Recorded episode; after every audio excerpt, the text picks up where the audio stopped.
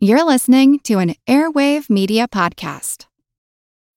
When you need mealtime inspiration, it's worth shopping Kroger, where you'll find over 30,000 mouthwatering choices that excite your inner foodie. And no matter what tasty choice you make, you'll enjoy our everyday low prices, plus extra ways to save, like digital coupons worth over $600 each week. You can also save up to $1 off per gallon at the pump with fuel points. More savings and more inspiring flavors make shopping Kroger worth it every time. Kroger, fresh for everyone. Fuel restrictions apply. Without the ones like you, who work tirelessly to keep things running, everything would suddenly stop. Hospitals, factories, schools, and power plants, they all depend on you. No matter the weather, emergency, or time of day, you're the ones who get it done. At Grainger, we're here for you with professional grade industrial supplies. Count on real time product availability and fast delivery. Call clickgrainger.com or just stop by. Grainger for the ones who get it done. This is Kick Ass News. I'm Ben Mathis.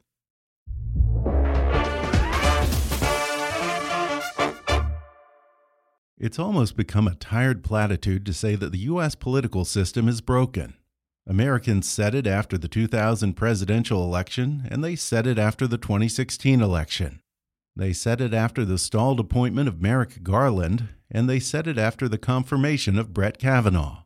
Many said it after the Mueller investigation and after the impeachment acquittal of Donald Trump. But what if the American political system isn't broken? What if it's working exactly as designed? According to journalist and Vox co founder Ezra Klein, quote, the American political system, which includes everyone from voters to journalists to the president, is full of rational actors making rational decisions given the incentives they face. He says, We are a collection of functional parts whose efforts combine into a dysfunctional whole. And now, in his new book, titled Why We're Polarized, Ezra Klein reveals how that system is polarizing us and how we are polarizing it with disastrous results. Today, Ezra joins me on the podcast to explain how the Founding Fathers planned for many things, but they didn't design a system of government intended to function effectively in times of hyperpartisanship. He points out that politics came into being to represent deep social cleavages, but now politics is the cleavage. And our political affiliation has gone from being one of many identities Americans hold to becoming what he calls a mega identity that's consuming our lives, making us angrier, and destroying friendships and families. We discuss how politicians and voters got stuck in a feedback loop of negative partisanship and how polarization has led many of our leaders in Washington to conclude that bipartisanship is actually irrational. Of course, all of this is egged on by political media, and Ezra suggests that our access to an overwhelming deluge of political news on cable, talk radio, and social media is actually making us less informed. Plus, we get into how demographic threat is fueling political anger how the rise of extremism correlates with a decline in the influence of parties, and Ezra offers a few recipes for how to reunite the country and make America more democratic. Coming up with Ezra Klein in just a moment.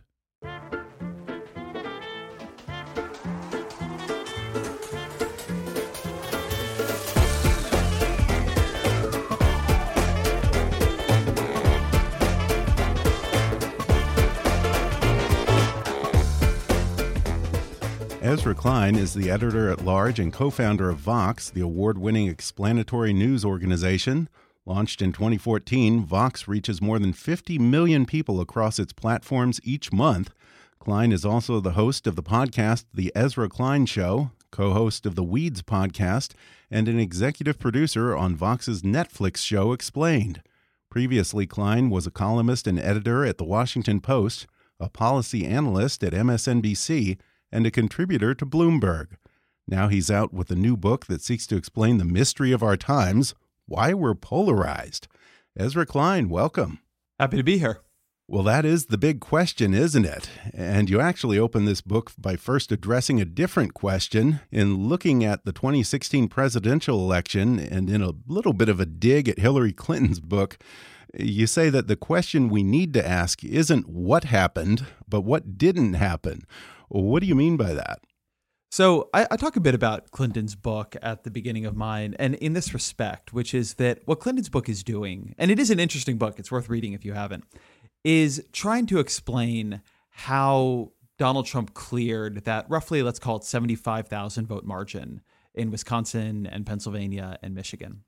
And one of the problems with the way the 2016 election went is that the margin was so close and also so unusual. He obviously lost the popular vote um, while winning the Electoral College. And it was such a razor thin margin that almost anything can explain that. But I think the question you need to ask about 2016 isn't how Donald Trump was able to get those 75,000 votes, but how is he ever close enough to win? Mm. Or how was it not the case that he was so far ahead there was no chance of him losing? I mean, he was a very unusual candidate. He had not traditionally been a Republican. He had all kinds of uh, heterodoxies from party orthodoxy he came in and he attacked previously Republican standard bearers like George W. Bush and John McCain. He had talked about how much he loved Planned Parenthood. He was sort of decadent and loose in his personal habits. He was very, let's call it eccentric in the way he campaigned. He had these like all caps locks tweets and said that potentially Ted Cruz's father was involved in the assassination of JFK. he was a weird guy. Yeah. And so you might have expected that either he would lose by 20 points or maybe he would win by 20 points. And what I show in that first chapter is that what's remarkable about Donald Trump's performance in 2016 is if you just look at the numbers, it looks like 2012 and it hmm. looks like 2008. And if you just go back over the past four, let's call it elections, and I just show you exit poll numbers for uh, different races, religions, genders, uh, ideologies, parties, etc., you would not be able to pick 2016 out of a lineup. Huh. And so when I say the, the question really is what didn't happen, what I'm saying there is the question is how did somebody unusual, as unusual as Donald Trump, crash into American politics? Mm-hmm. And instead of it really reshaping American politics somehow, the election nevertheless fell into the almost exact same grooves with a couple changes on the margins from Mitt Romney from John McCain, from George W. Bush. What can explain a political structure so stable that even Donald Trump can't truly disrupt it? Interesting. So, this whole idea that the Trump election in 2016 was an anomaly is a bit of a myth, then. Trump himself is certainly an anomaly. Um, he is a very unusual candidate. But in terms of how the vote goes down, it's not an anomaly at all. Um, basically, what happens is Donald Trump puts together Mitt Romney's coalition and trades out some college educated whites for some working class whites. Like that that's basically how it goes and it turns out that the working class whites, right, the non-college whites are concentrated in a couple very electorally important states and so that is enough to get him over the finish line. But again, it, it's just not a very big change. You would not look at it and say that what happened is a Republican coalition reshaped itself around Donald Trump. It's not that hmm. huge numbers of never Trumpers joined the Democrats, huge numbers of um, uh, Democratic voters joined Trump. I mean, there has been a lot of attention to these Obama to Trump voters, but in truth, there's not many more of them than there were Romney to Clinton voters. I mean, there's a certain amount of, of change over any election, but it doesn't look like there's anything so dramatic that happened there. And you say something very interesting in why we're polarized that politics came into being to represent deep social cleavages, but now politics has become that cleavage. It sounds to me like you're saying that we're being divided by a lot of sound and fury signifying nothing. Is that what's happening? There are two things that have to be held in tension here. Uh, one of the stories of my book is about how the political coalitions, let's call them the red and blue coalitions, so you could call them the Republican and Democratic coalitions, have become more different than each other mm. in both ideological and demographic terms. And so, as that has happened, as they really have become more different in their vision of the country, in who they are either are or are believed to be working on behalf of, the stakes of politics have both perceptually and in many cases in truth become much higher for people. So an example I use in the book is that if you look at the 1976 Republican Party convention platform, it has a plank on abortion where it says, in our party there are people who believe abortion should be available on demand and there are people who believe it should be illegal in all circumstances and we respect that difference of opinion. That isn't how it reads today. Mm-hmm. Similarly, if you look at the 96 Democratic convention, you look at immigration, Bill Clinton's convention uh, platform sounds like Donald Trump sounds today. So what has happened is the parties have become much more different. So the, the, they're fighting what they are fighting over is often much clearer. And as such, it's not sounding very signifying nothing. That said, there is another level and layer of politics, which is not competition over well articulated policy goals, which is not difference in vision for how to run the country. This layer is identity. This layer is group status competition. And here, the question of who wins and who loses is often really not about policy at all. People will change their policy positions to fit what their party needs them to believe. Their party will change its policy positions to fit what it needs to do for power. And people will, will run behind that and they will get very, very, very angry at the other side, not because of a, a genuine difference in governance philosophy, but because we have be, we've become very attached to our groups. We trust our group to, to advocate on our behalf. And as such, when our group is losing, we take that very personally. We feel that very deeply. We become very nervous. We become very upset. I show some uh, evidence in the book from Liliana Mason, a political scientist at the University of Maryland, and she ran a clever experiment. There's this huge national poll that follows every election or, or, goes alongside every election called the American National Election Survey. And one of the things you can do with that is you can look at Republicans whose policy positions should make them Democrats and Democrats whose policy positions should make them Republicans. And then you can also look at people who their identity groups um, normally would put them in the other party. So let's say a Democrat who's an older man who lives in the South and is an evangelical Christian right? Normally, somebody who fits that demographic profile would be a Republican, but this guy's a Democrat. And what she shows is that a Democrat who agrees with Republicans on policy or vice versa, that does less to mitigate hostility and fear of the other party than having your your group affiliations fit in the other party. So the person whom people like them are in the other party, they'll be less afraid of the other party winning than even a person who actually agrees with the other party on the merits, huh. which goes to, to what you're saying there, which is so much as the stakes of politics are very real, oftentimes what is being activated are not the policy stakes of politics, but the psychological attachment to our group mm-hmm. and fear of the outgroup. Uh, yeah, and uh, politics is just one of many identities that we have. There's an identity as a father or a mother, a spouse, pet owner, a vegan, a Christian, little league coach, Rotary, environmentalist, a million different things. But you say that politics has now become a mega identity that dwarfs so much else. How did that come to be? Was there something lacking in us that politics filled? Why why are we choosing to find our tribe in something that is so ugly and ultimately unfulfilling on a personal level? It's a great question. I'm not sure I can answer even that one.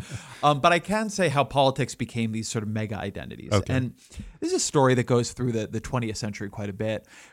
American politics in the 20th century was really weird. Uh, I've said at a bunch of the events for this book that the question on some level isn't why we're polarized, but why was there a period in American politics when we weren't? Why in mid century American politics did we not split by party in the way hmm. we do now? And it's important that I'm pretty clear on what I'm saying here because people use the term polarized as just a synonym for bad.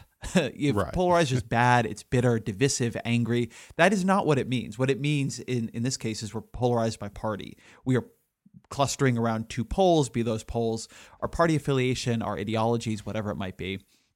So in mid-century American politics, you have tremendous stakes. You have very deep, bitter divisions. I mean, you're looking in, in that period at the civil rights movement, the women's rights movement, the indigenous rights movement, the anti-war movement. There are political assassinations, urban riots, uh, protesters being killed at Kent State. The stakes of politics are, are, are very high, and America is very fractured. But the parties are very internally mixed. And so you have, say, anti Vietnam War sentiment is actually equally distributed across the two parties. Mm-hmm. Um, the Civil Rights Act itself passes in a perfectly bipartisan way. It's led in the Senate by the Republican minority leader. And it, in the end, it has a higher proportion of congressional Republicans voting for it than congressional Democrats. And then it's signed by a Democratic president, Lyndon Johnson.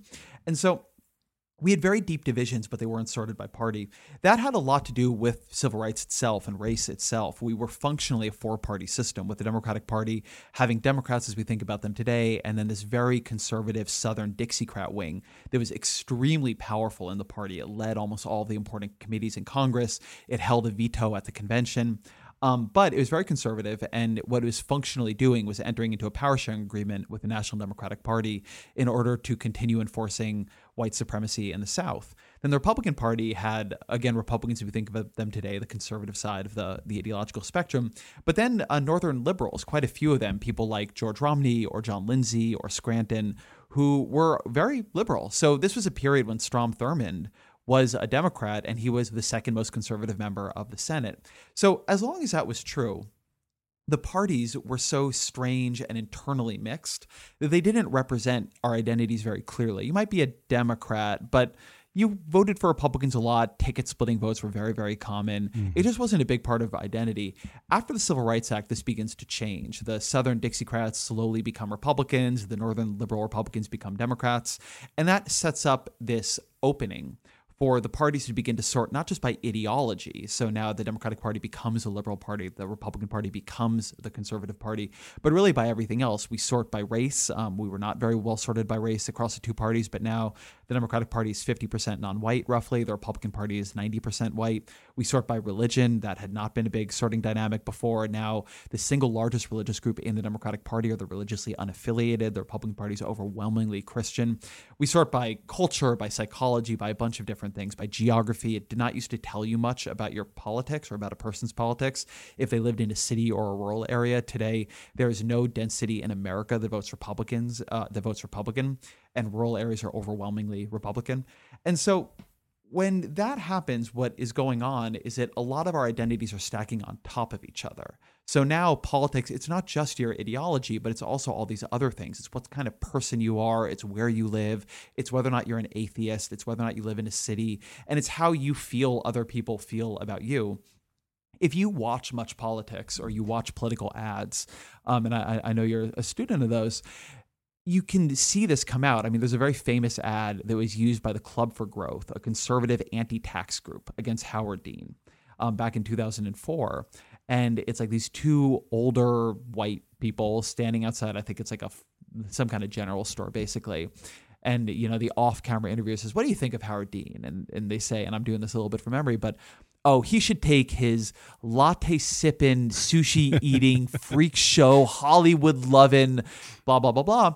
And none of that was ideological. It was just like these were identities, cultural signifiers mm-hmm. that were associated with liberals. And the idea was if you're, you know, a conservative heartland American, you're not going to like them. Mm-hmm. So this process of identity stacking has made it so our political identities uh, encompass and absorb conflicts from a lot of other very important identities, right? Like heartlanders versus coastal uh, right. elites, that kind of thing. And that makes those political identities more important because it activates them every time one of those other very significant identities is threatened or called into a fight.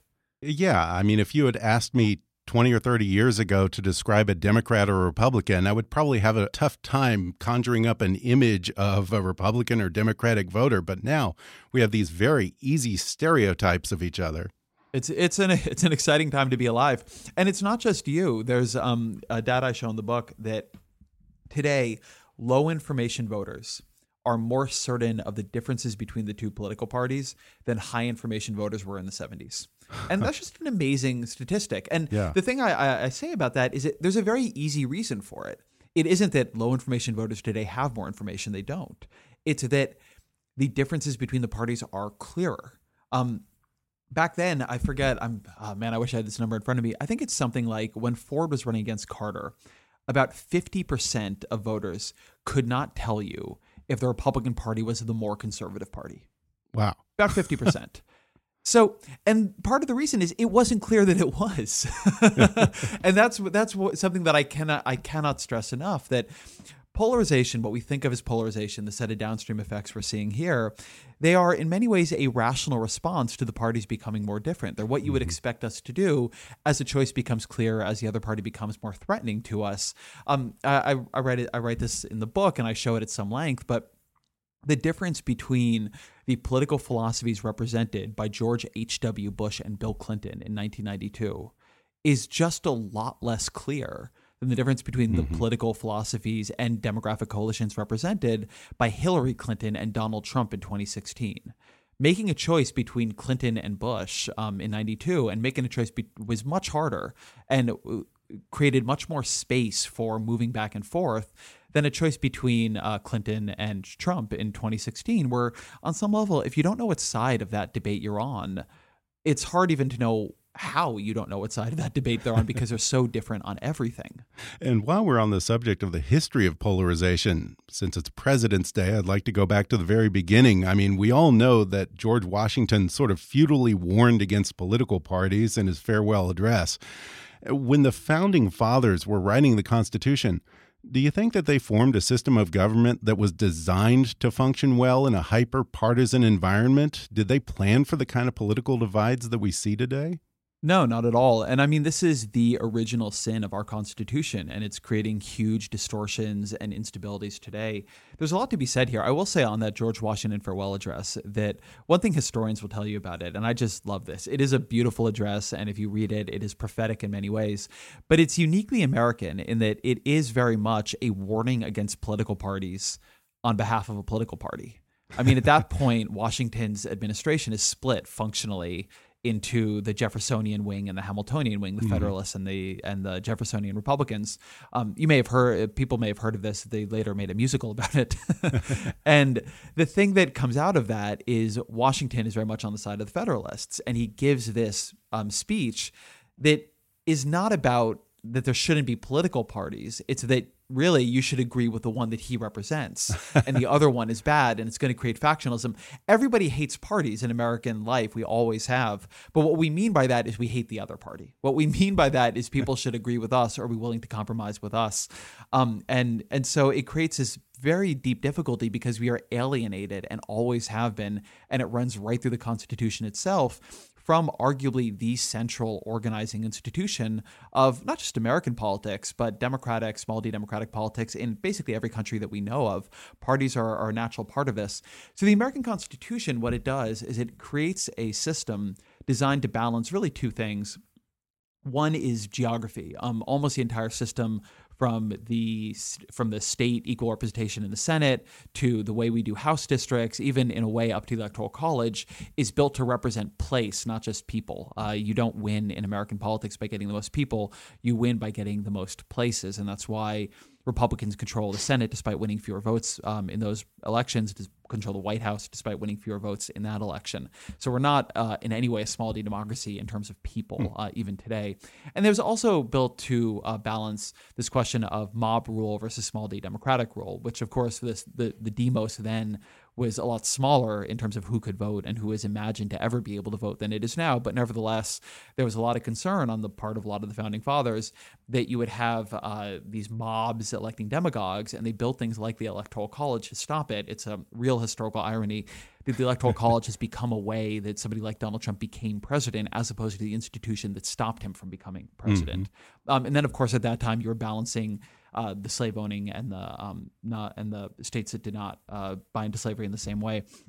So all of that then plays forward into American politics in this modern era where the fundamental political institutions we're balancing are not small states versus big states or mob rule versus small d democratic rule uh, or, or elite rule, but parties. We are red and blue. And if you don't believe me, imagine tomorrow that in the Senate there comes a vote on whether or not Puerto Rico and DC should become states. Do you think that the way that vote would go is that every small state would vote for it because DC and Puerto Rico are small states, and that'll hmm. mean the small states have a, a, bigger coalition to balance against the large states? Or would Wyoming vote with Texas?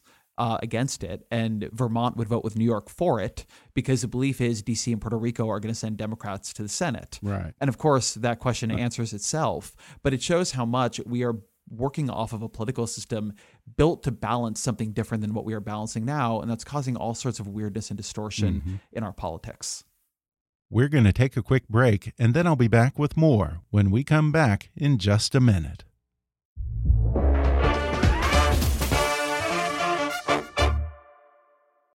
Wave is a free, easy to use financial software that helps freelancers, consultants, and small business owners make, move, and manage their money, bringing them closer to financial success through accounting, invoicing, payments, and payroll. Just like Chris. Chris started his own business three years ago and has been using Wave ever since. He was never confident about the financial aspects of running his own business, but since discovering Wave, he was relieved to find a service that made invoicing and payments so straightforward. Wave's free accounting, receipt management, and invoicing tools give your business the professionalism it deserves. Have employees? Wave can pay them directly and automate your payroll tax filings. Payroll helps business owners like Sean. Sean felt like he was dealing with taxes and payroll every day, and making sure everyone got paid took away the enjoyment of running his business. Having automatic deductions with payroll, let him get back to what he enjoys doing most. I only recently started using Wave for my own accounting and invoicing needs. I was sick of the hassle of invoicing, just chasing down clients for payment and juggling numbers. It was such a headache, and honestly, who needs it? I just wanted to be able to focus on my business and producing my podcast. That's why I really took to Wave's easy to use accounting software. It's simple, it's intuitive, and it saves me time. In fact, now I'm using Wave for my payroll as well. The bottom line is, Wave simplifies my life. You can't put a price on that. But you know what? Wave's free, so that's even better. It's time to ditch the Excel spreadsheets, shoeboxes full of receipts, and lost invoices and start growing your business. Set up your business for financial success by signing up for your free account today at waveapps.com/kick. That's waveapps.com slash kick. I know that I've talked before with Trent Lott and Tom Daschle actually in the same room together, who were leaders of their own parties in the Senate and, of course, had serious policy differences. But they said that they were able to see each other as equals and recognize that they were both serving for the right reasons and wanted to do right by the country. That's the kind of civility that governed the Senate for most of the 20th century. Does that exist anymore? Indeed, I think that you say that bipartisanship has become irrational in this environment. How so?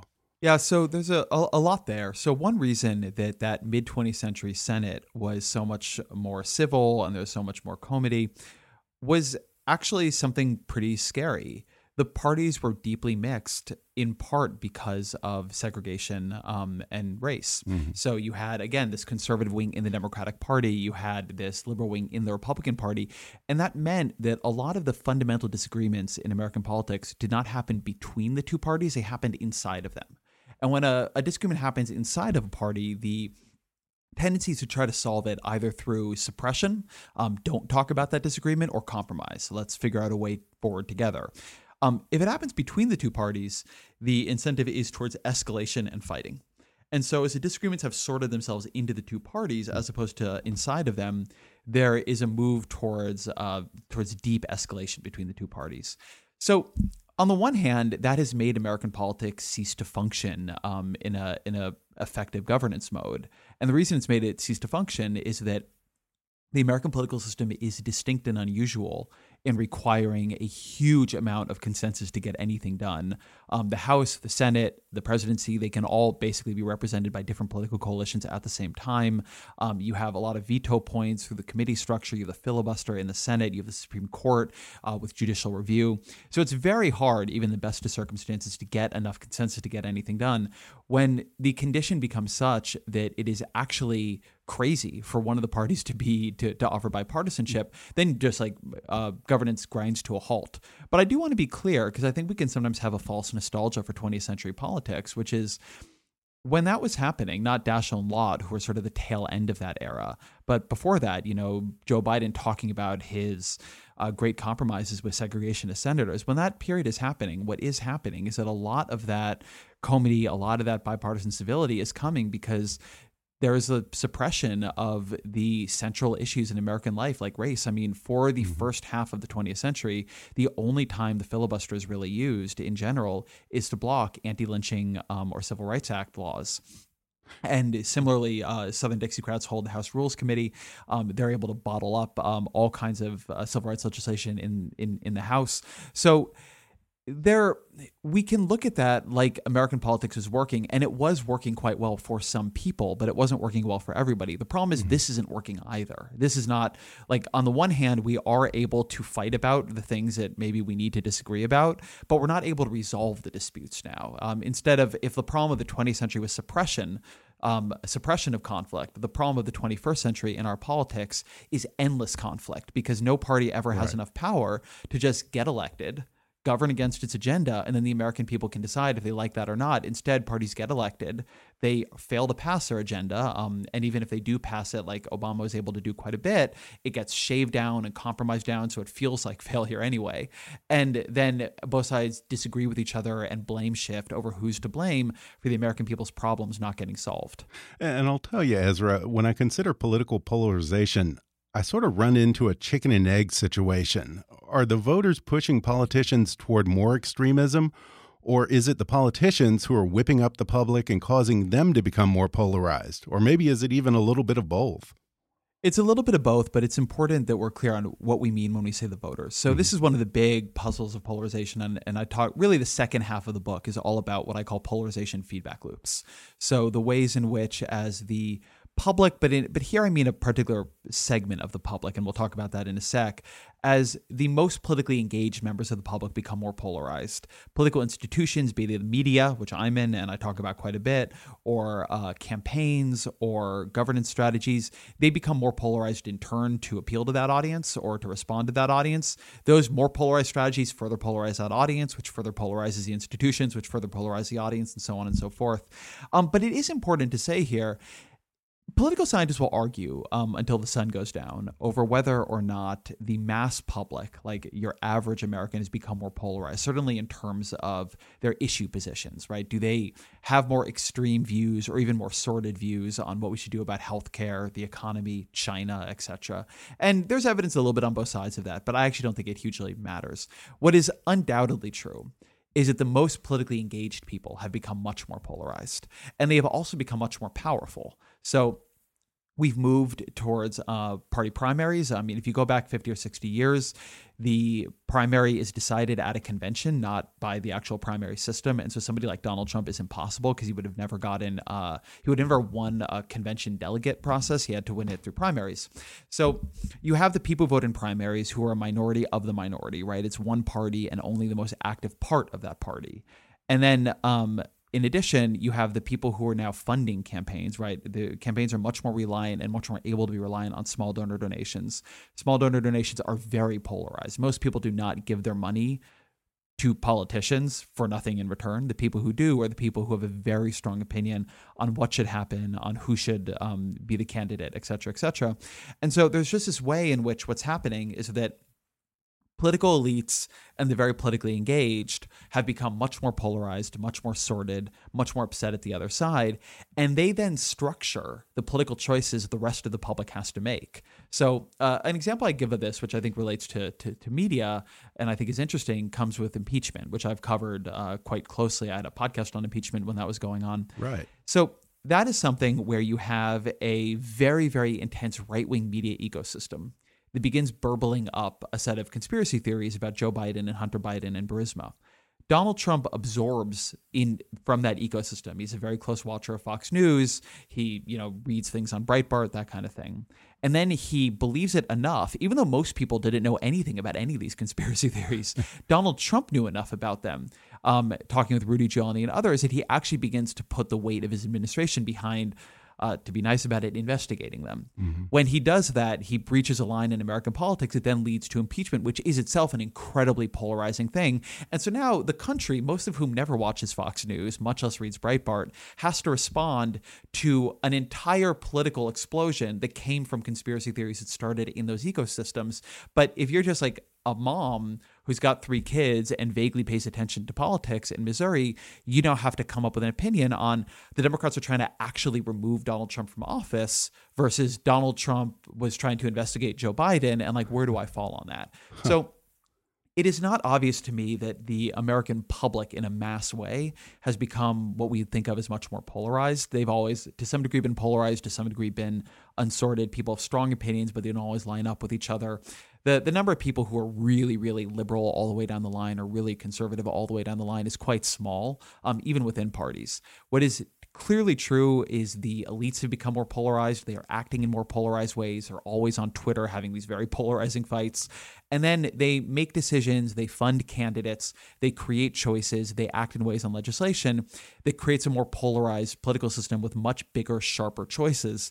And that forces the rest of the public to act and mm-hmm. engage in a more polarized way.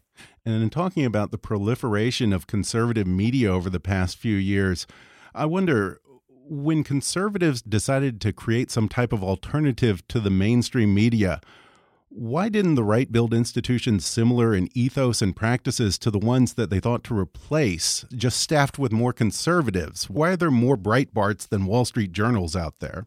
Yeah, this is something I talk about in the book, and I think this is a really important question that I do not feel I fully have an answer to. But but but let me tell you my suspicion on it.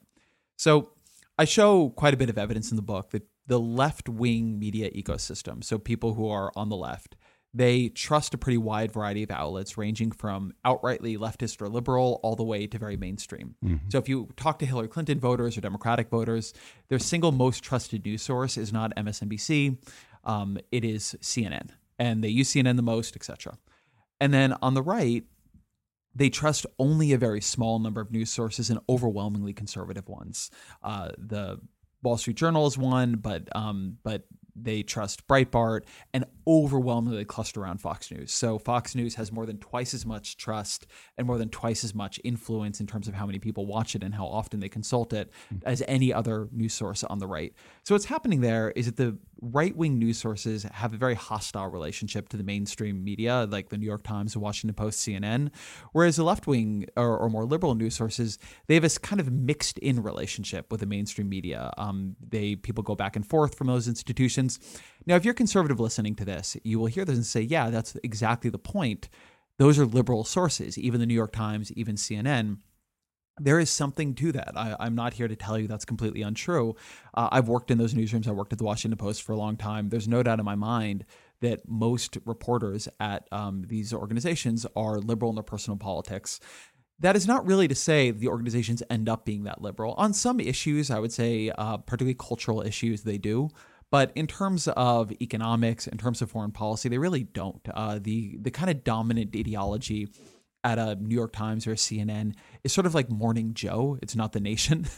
but the problem on the right is that, as you say, they very much could have taken that insight and that frustration that the mainstream media felt hostile to them and then built organizations that were similar in quality and editorial process to the ones that they felt rejected by, but were simply more conservative, existed in more conservative places, and just came at the world from a different foundation and value set. And instead, what you got, you know, is somebody like Tucker Carlson promising to do that, and then creating the Daily Caller, which very much does not reflect those those values and that ethos. Um, Fox News says it is fair and balanced, but I mean, look at its primetime lineup; it's it's very much anything but. I suspect that the reason that happened, um, I think there are probably a lot of them, but one is simply that the mainstream media, it's actually not that liberal. And so, in order to differentiate the product enough to get an audience, they had to fight the mainstream media, hmm. right? It, like enough people were getting well served enough by the mainstream media. The audience around to pick up was the audience that felt very alienated. And what they wanted was something that told them they were right in that. And so uh, a media ecosystem that came out and said, you know what, the, like yeah, sorry that the Wall Street Journal or the New York Times are actually right about this one. It wasn't going to survive very long, and organizations that have tried to do that in general have not. Um, there have been a, a, large number of failed efforts to create better media on the right, and meanwhile, something like Breitbart succeeding to the degree it has, or Fox News succeeding in the way it has, it speaks to what the the, the market really is there.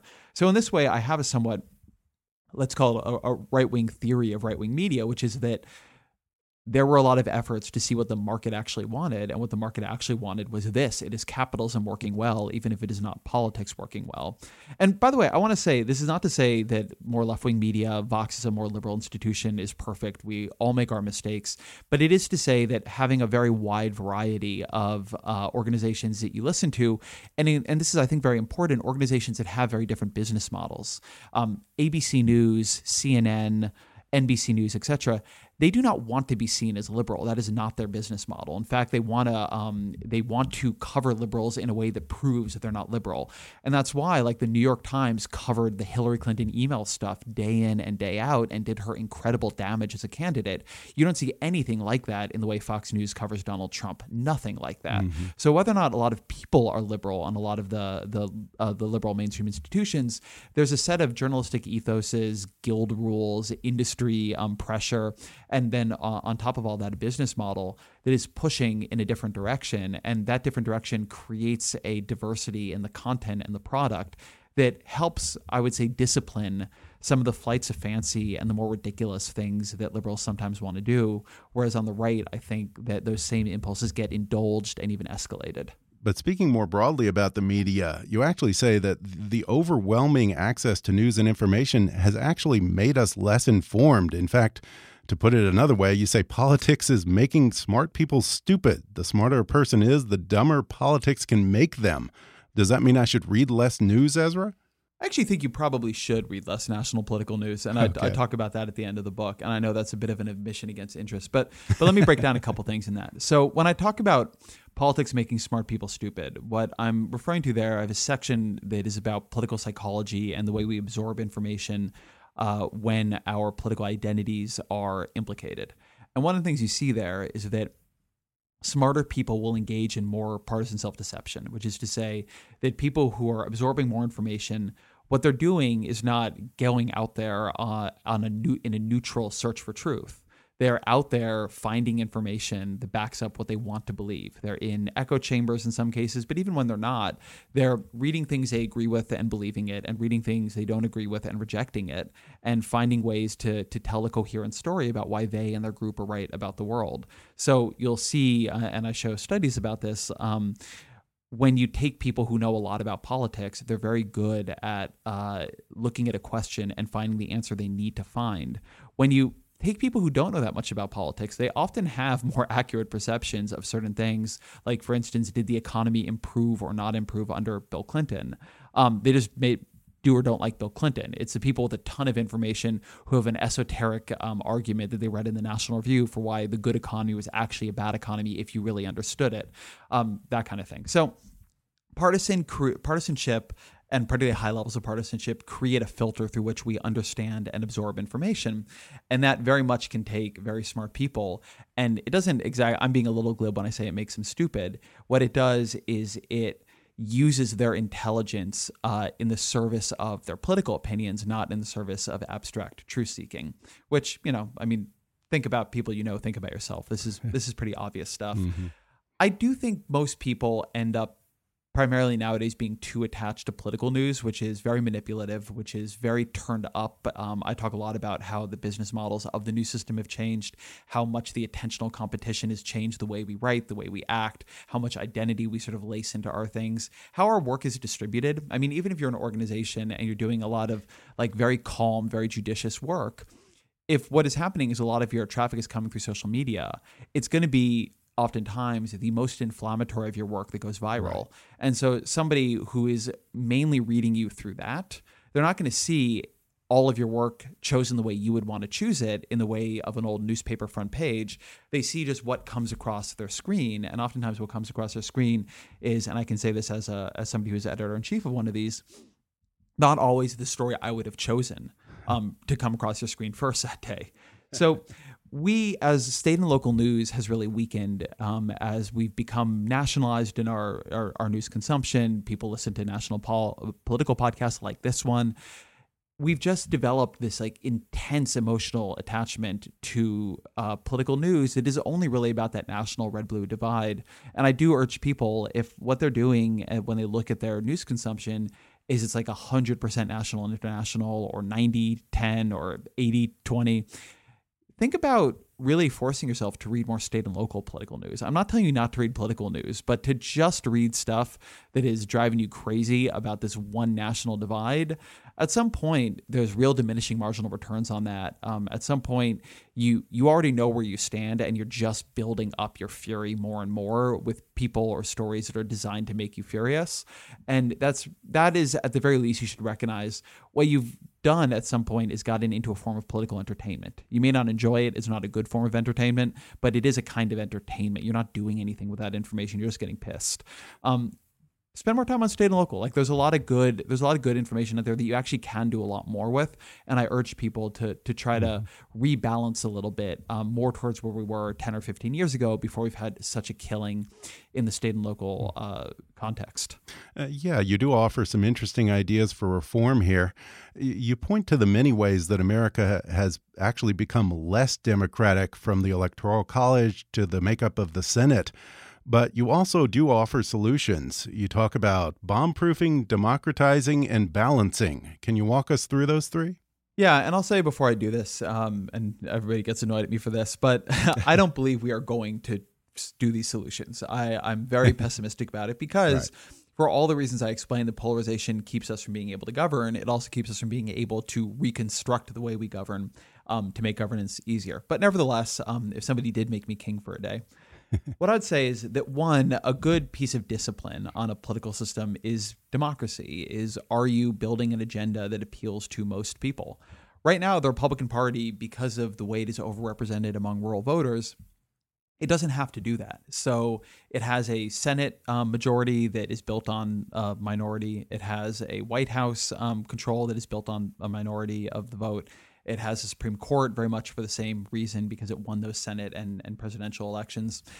And as such, it's being able to pursue a path, one that I think is dangerous because it's beginning to move towards disenfranchisement in a lot of places through voter ID laws and you know Citizens United decisions and so on. It's beginning to see democracy itself as a threat to Republican Party rule, and that's very dangerous. Um, but two, I think the Republican Party would be a healthier institution and American politics would be a healthier politics if it had to compete for a majority of votes. And so there are a lot of ways you can imagine doing that. I mean, some are very hard to change, like the way the Senate does equal representation among states, but DC and Puerto Rico should be states because they should be states. It is the right and fair thing to do. These are American citizens who don't have political representation, but it would also um, because those are states that are very heavily uh, occupied or places that are very heavily occupied by obviously in Puerto Rico Puerto Ricans and in DC um, black and brown voters, it would stop sort of tilting the Senate quite as much towards one kind of voter as it does now. At the House level, you could get rid of gerrymandering, you could do proportional representation and instant runoff voting. You could just make the system a lot fairer. Um, at the presidential level, you could get rid of the Electoral College, which at this point, the Electoral College has reversed uh, fully 40% of the presidential election popular votes since wow. 2000. That's not a great system. Um, and so at some point, I, I very much believe we should get rid of it. Bomb proofing is a different issue. It's about making sure that partisan gridlock can't do too much damage for no good reason. Um, a very good example here is a debt ceiling. There's no reason we need to have a debt ceiling. Most countries don't in most places, if the Congress or the legislature, as it may be, decides to spend, the borrowing that that spending requires is automatically authorized. The fact that we have a debt ceiling here is very dangerous because the U.S. Treasury bond is the single most important financial asset in the world. Um, a lot of other assets people have, like car loans and mortgage loans and so on, they are built on top of treasury bonds. Treasury bonds are considered a riskless asset. And so their rate of return is considered the riskless rate of return. And then the amount of risk of these other things is calculated on top of that. If treasury bonds immediately become risky, which is to say that the single asset that everybody buys when they want to make sure their money is safe, it suddenly becomes unclear if they will get paid back. That is definitionally the kind of thing that creates a financial crisis. A financial crisis is when an important financial asset that people thought they had priced correctly some uh, it, instantly becomes unpriceable. And so the idea that we would do that for no reason, create a global financial crisis for no reason, is just crazy. We should just get rid of the debt ceiling. Um, and then I talk about balancing. Balancing is trickier it goes back to our earlier conversation about the Constitution and how it's built to balance states and places and built to balance uh, potentially concerns about elite versus uh, small d democratic rule. But it's not built to balance political parties. You could you you could build things to balance political parties. Like one idea you hear around, it actually came from a Vox article, but Pete Buttigieg has argued for it, is that um, you could construct the Supreme Court such that the Democrats had five seats, the Republicans had five seats, and then the uh, Supreme Court justices jointly appointed another five. Uh, and so, in that case, you would lower the stakes on the Supreme Court, which have gotten very high in a very dangerous way, and make sure both parties had roughly equal representation there. And in addition, you would create a pathway to the Supreme Court that isn't simply becoming the most loyal party hack, um, or let me, let me say it more gently, the most loyal party jurist mm-hmm. that they can find. Um, the idea that if you are a judge, a great judge who has a reputation for independence and free thinking, you now have absolutely no possibility of ever being on the Supreme Court is a little crazy. Yeah. Um, so you can do a lot of different things like that, where you're creating spaces where the powers that the two parties will have will be equally represented, or at least that there is some um, guarantee of representation. In theory, the filibuster is supposed to do this in the Senate. In practice, it doesn't, because on the one hand, it is used by the minority simply to make it impossible for the majority to govern, but on the other hand, it is not used to create debate anymore. It's simply a procedural tactic, and so there is no real guarantee to debate, and we don't debate things in the Senate any longer. So there are ways that you could balance or more equally represent the parties and key institutions in a bid to try to bring down the pressure of their competition with each other and the stakes of that competition. I mean, a, a easier way to do the Supreme Court change, which would not balance exactly, but again would bring down the pressure a bit. Um, and this is something that actually Rick Perry proposed in the 2012 uh, presidential election is to make 12 or 18 year terms for Supreme Court justices so that you know when these seats are going to come up. Um, presidents are going to get an equal number of them. It's not like the lifetime yeah. appointments have quite as much weight as they do today. Hmm. There's a lot you could do, um, but it would require a political system functional enough to do it. Yeah, and you also have some tips in here on how folks can depolarize themselves. So I encourage everyone on the right, left, and independent to read Why We're Polarized by Ezra Klein. Ezra, thanks so much for talking with me. Thank you for having me. Thanks again to Ezra Klein for coming on the podcast. Order his new book, Why We're Polarized, on Amazon, Audible, or wherever books are sold. Read his regular political analysis at Vox.com, follow him on Twitter at, at Ezra Klein, and subscribe to The Ezra Klein Show on Apple Podcasts or wherever you like to listen. If you enjoyed today's podcast, be sure to subscribe to us on Apple Podcasts and rate and review us while you're there. Five star ratings and detailed reviews are one of the best ways for new listeners to discover the show. You can also follow us on Facebook or on Twitter at, at KickassNewsPod and recommend us to your friends on your social media. For more fun stuff, visit kickassnews.com, and I welcome your comments, questions, and suggestions at comments at kickassnews.com. For now, I'm Ben Mathis, and thanks for listening to Kickass News.